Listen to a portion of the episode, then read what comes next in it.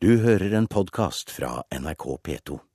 Forrige uke så handlet det om republikanerne. I kveld så starter demokratene sitt landsmøte i USA. Både president Barack Obama og republikanernes Mitt Romney satser stort på sosiale medier for å nå sine velgere. Og for fire år siden så var nettstedet YouTube viktig for Obama og seieren hans. We are one nation, and together we will begin the next great chapter denne talen er sett og hørt av mange millioner mennesker på YouTube.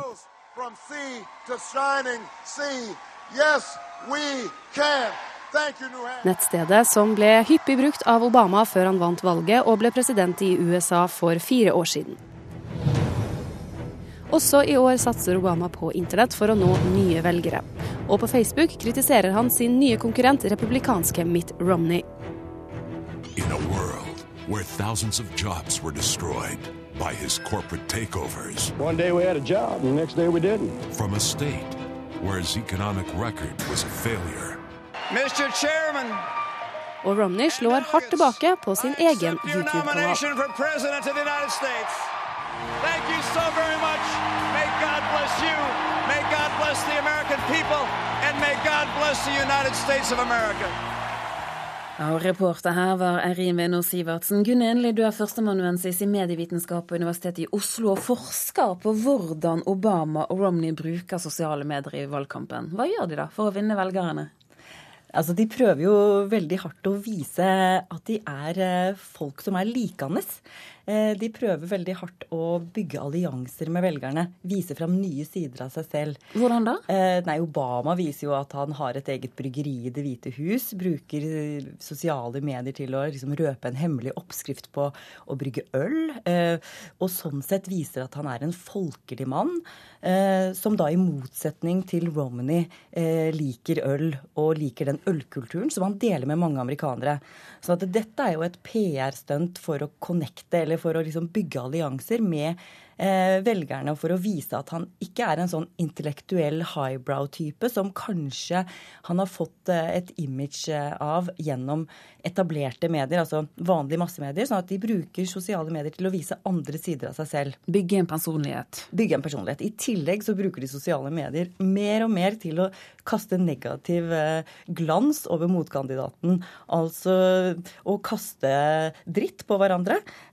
Negativ utspill er jo veldig vanlig gjennom reklamekampanjer. Og det ser vi også i, på Twitter og, og, YouTube eh, og på Facebook i, i denne valgkampen.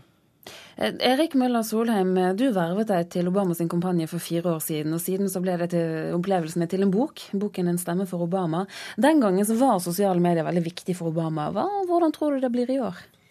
Ikke fullt så viktig som det var. Altså I 2008 så var jo dette en ukjent kandidat som ingen visste hvem var. Um, og hans uh, ukjenthet da, var hans uh, største akilleshæl. Altså, uh, og den viktigste jobben han hadde å gjøre, var å få fram sine verdier og få fram sin stemme og sitt budskap. Og da ble YouTube den aller, aller viktigste kanalen for å få spredt dette. Og i og med at han er en så god taler som han jo er, så ble jo også dette Altså det, hans form og hans uh, innhold gikk hånd i hanske med formatet YouTube. Altså det var en, et uh, ekteskap made in heaven. Så sånn sett så var det veldig, veldig takknemlig. Nå i år så er han en etablert uh, pres sittende president som har alt å forsvare. Uh, og uh, situasjonen er litt annet. Uh, siste mailen jeg fikk fra Obama-kampanjen Jeg står fremdeles på den maillisten og får tre til fire mailer hver eneste dag. Det er ikke så gøy i år som det var i 2008. men siste mailen jeg fikk, var da 25% av på alle Obama-merchandise i Obama-butikken. Så jeg føler det som at det er kanskje litt der budskapet er i år heller. At det er de skal selge en vare. De skal selge en sittende president og hans eh, prestasjoner mer enn eh, dette budskapet om håp og forandring og ny, eh, ny vår. da.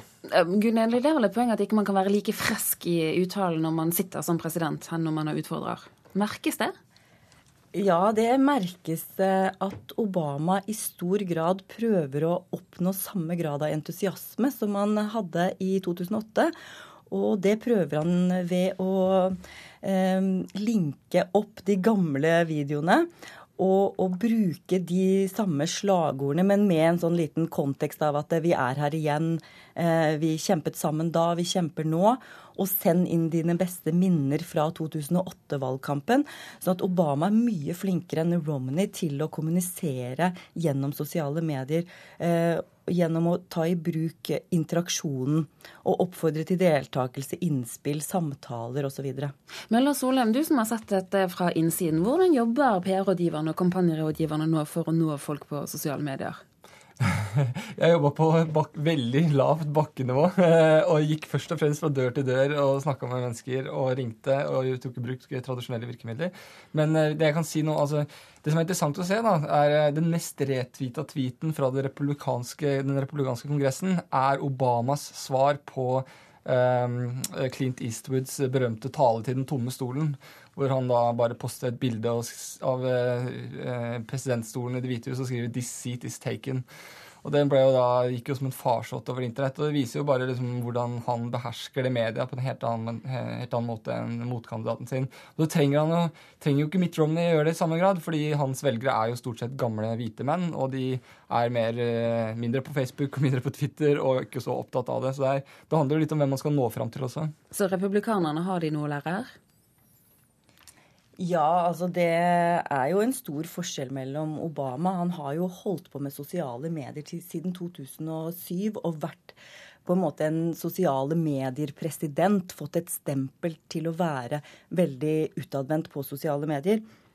Og nå når han framstår som hyperaktiv, så er jo det fordi han oppdaterer Twitter-kontoen sin én gang i timen i gjennomsnitt. Mens da Romney gjør det ca. én gang om dagen. Så det er jo veldig stor variasjon her. Gunn Enli, takk for at du var med oss her i Kulturnytt. Takk også til Erik Møller Solheim.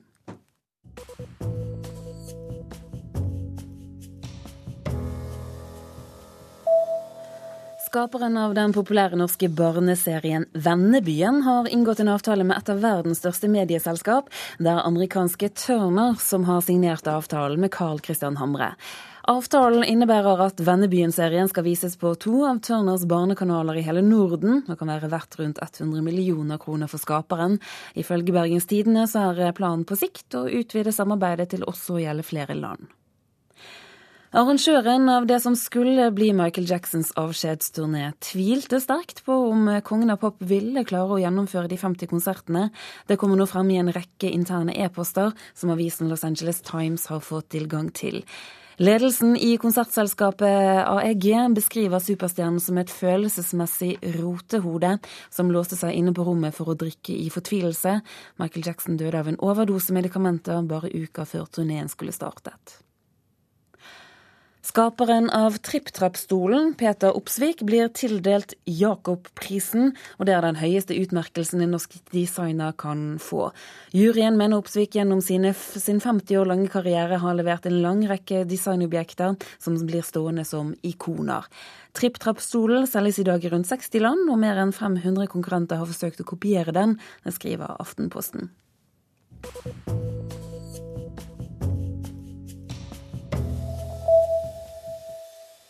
I dag aksjonerer 50 kvinnemuseer over hele verden til støtte for iranske Nasrin Sodote.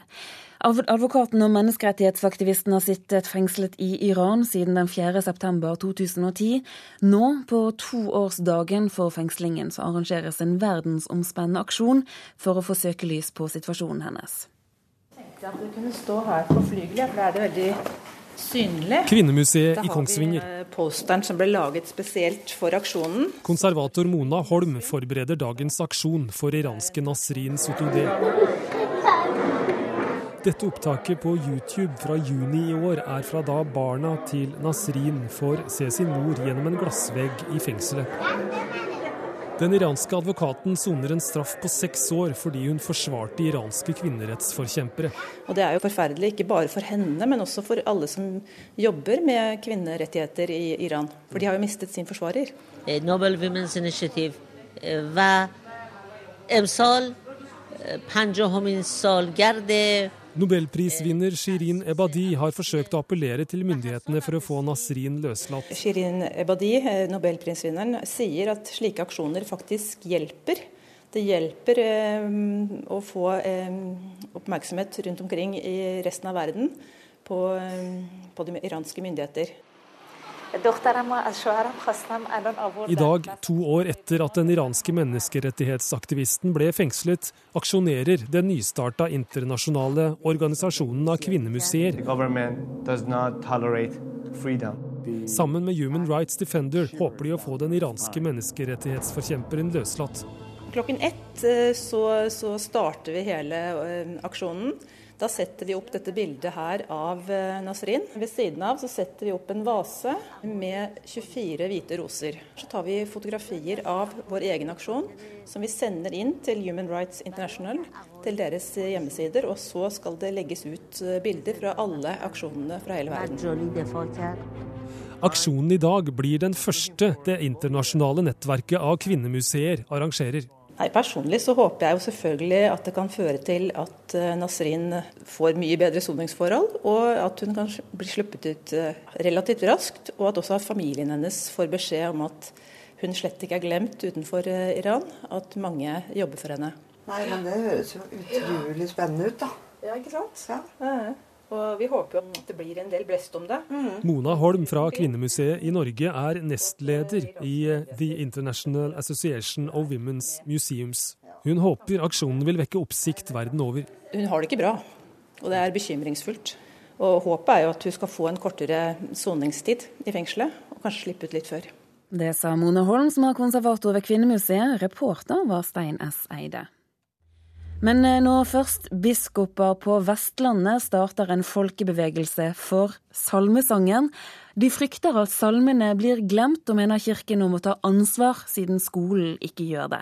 I går kveld var det avspark hjemme i stuen til biskopen i Stavanger. Hallo. Hei. Jeg er veldig flau. Nei, er du flau? Velkommen.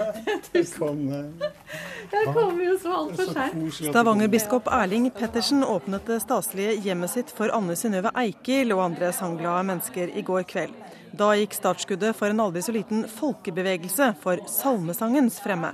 Kjempeflott. Salmer er jeg glad i. Det er veldig bra. Det, det som skal skje, er at vi skal synge sammen med Bjørgvin. I Bergen samles de også nå for å løfte salmesangen som en, eh, en, del av ikke bare gudstjenestelivet, men av livet vårt, som gir oss glede, og som er med på å knytte oss sammen som fellesskap. Er jo biskop i et bispedømme der det synges veldig mye. Men det er helt klart at vi trenger å fornye salmesangen, ikke bare for de nye generasjonene. Men også for mellomgenerasjonen, 30-40-åringene som ikke har fått det med seg fra skolen, sånn som vi gamle, vi over 60 fikk.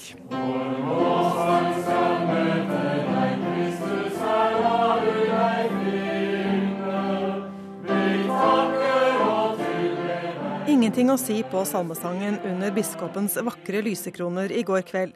Men etter at kristendommen ble avløst av RLE-faget i skolen, har kirken en jobb å gjøre, mener biskopene i Stavanger og Bjørgvin.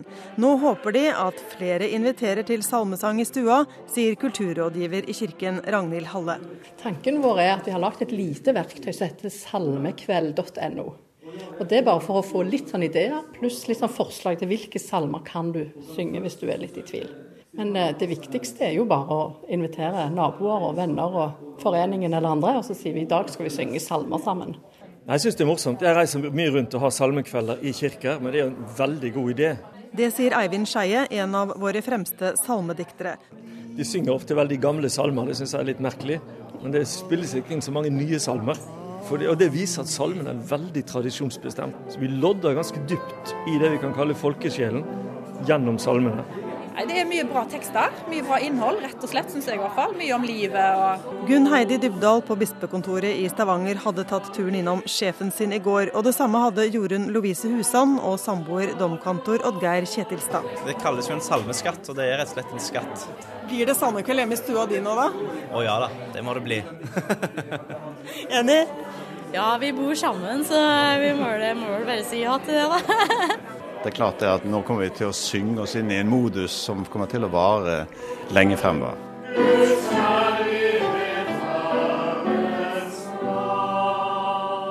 Reporteren det var Nett Johansen Espeland. Trygve Jorem, du er redaktør for Kirkestoffet i Vårt Land. Hva synes du om dette salmeinitiativet? Jeg synes det er en, en, god idé, men eh, foreløpig så er det jo ikke noe mer enn en idé. Det er et eh, relativt enkelt nettsted med en liste over salmer til forskjellige temaer. Og så må man ha salmeboka og helst et piano for å kunne nyttiggjøre seg det. Men trenger vi den ideen?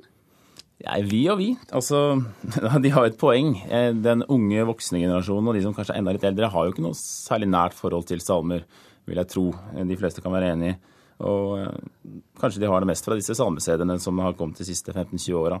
Så hvis man ønsker å la salmeskatten eh, gjenopplives i folket, så må man gjøre et eller annet. Det er riktig. Da må man gjøre noe. Ja. Hva da?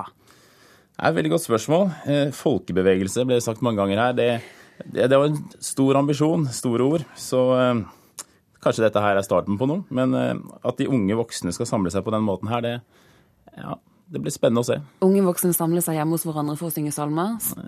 Nei, det er men, men altså, det ble jo også nevnt noe om fornyelse her. Mm. Hva tror du der? Altså, hvordan, eller trenger, altså, Bør salmene fornyes? Ja, Salmene fornyes jo hele tiden, og det kommer jo en salmebok neste høst som på en måte er en justering av eh, kartet etter terrenget, etter det som har skjedd de siste 20-30 åra. Og det har jo skjedd masse. Men det som vi hørte her, var jo de mer klassikerne som de satt og sang. da. Så det, det viktige er jo da å dra inn de sangene som, som kan måtte ikke vekke denne nostalgien, men kanskje vekke mer gleden over en, en, en fin sang, som man faktisk får litt på hjernen. Er det noen som virkelig står i bresjen for å hva skal du si, utvide salmerepertoaret? Ja, de som har fulgt dette her en stund, uh, har uh, snakker mye om Erik Hillestad og Kirkelig kulturverksted, som, som har pusha disse salmeplatene uh, gjennom en del år. Det er mye gamle salmer som Eivind Skei var inne på her. Vi har jo Oslo Gospelkor, da, som har kanskje vært den mest framskutte leverandøren av kristen musikk. Og den i, i si, populærkulturen de siste åra. Og salme, salmedefinisjonen er jo litt vid, så jeg tror vi kan putte dem inn der. For, for, det er jo det slik at det blir jo alltid en diskusjon hver gang man snakker om hva som skal inn og ut av denne salmeboken. Ja, ja, ja. Det er jo kjempeviktig av en eller annen grunn. i og med at Man, trenger jo ikke salmeboka for å synge noe nå lenger, så, så, det er litt rart. Men det har en veldig sterk symboleffekt. Det har skjedd mye på salmefronten siste, siste året, altså, eller kirkemusikken. da. Så Vi har jo den lovsangstradisjonen eller worship som kommer mye fra USA og Australia. Vi har TC, en slags munkemeditativ sang fra fra Frankrike, og også mye bruk av keltiske sanger fra, fra Irland og Skottland. Så, så, det skjer mye, men vi har eh, som, som innslaget viser, så det, er det mye gamle sanger som folk forbinder med samer. Får vi se da hva denne nettsiden får å si. Trygve Jordein, takk for at du var med oss her i Kulturnytt. Du har hørt en podkast fra NRK P2.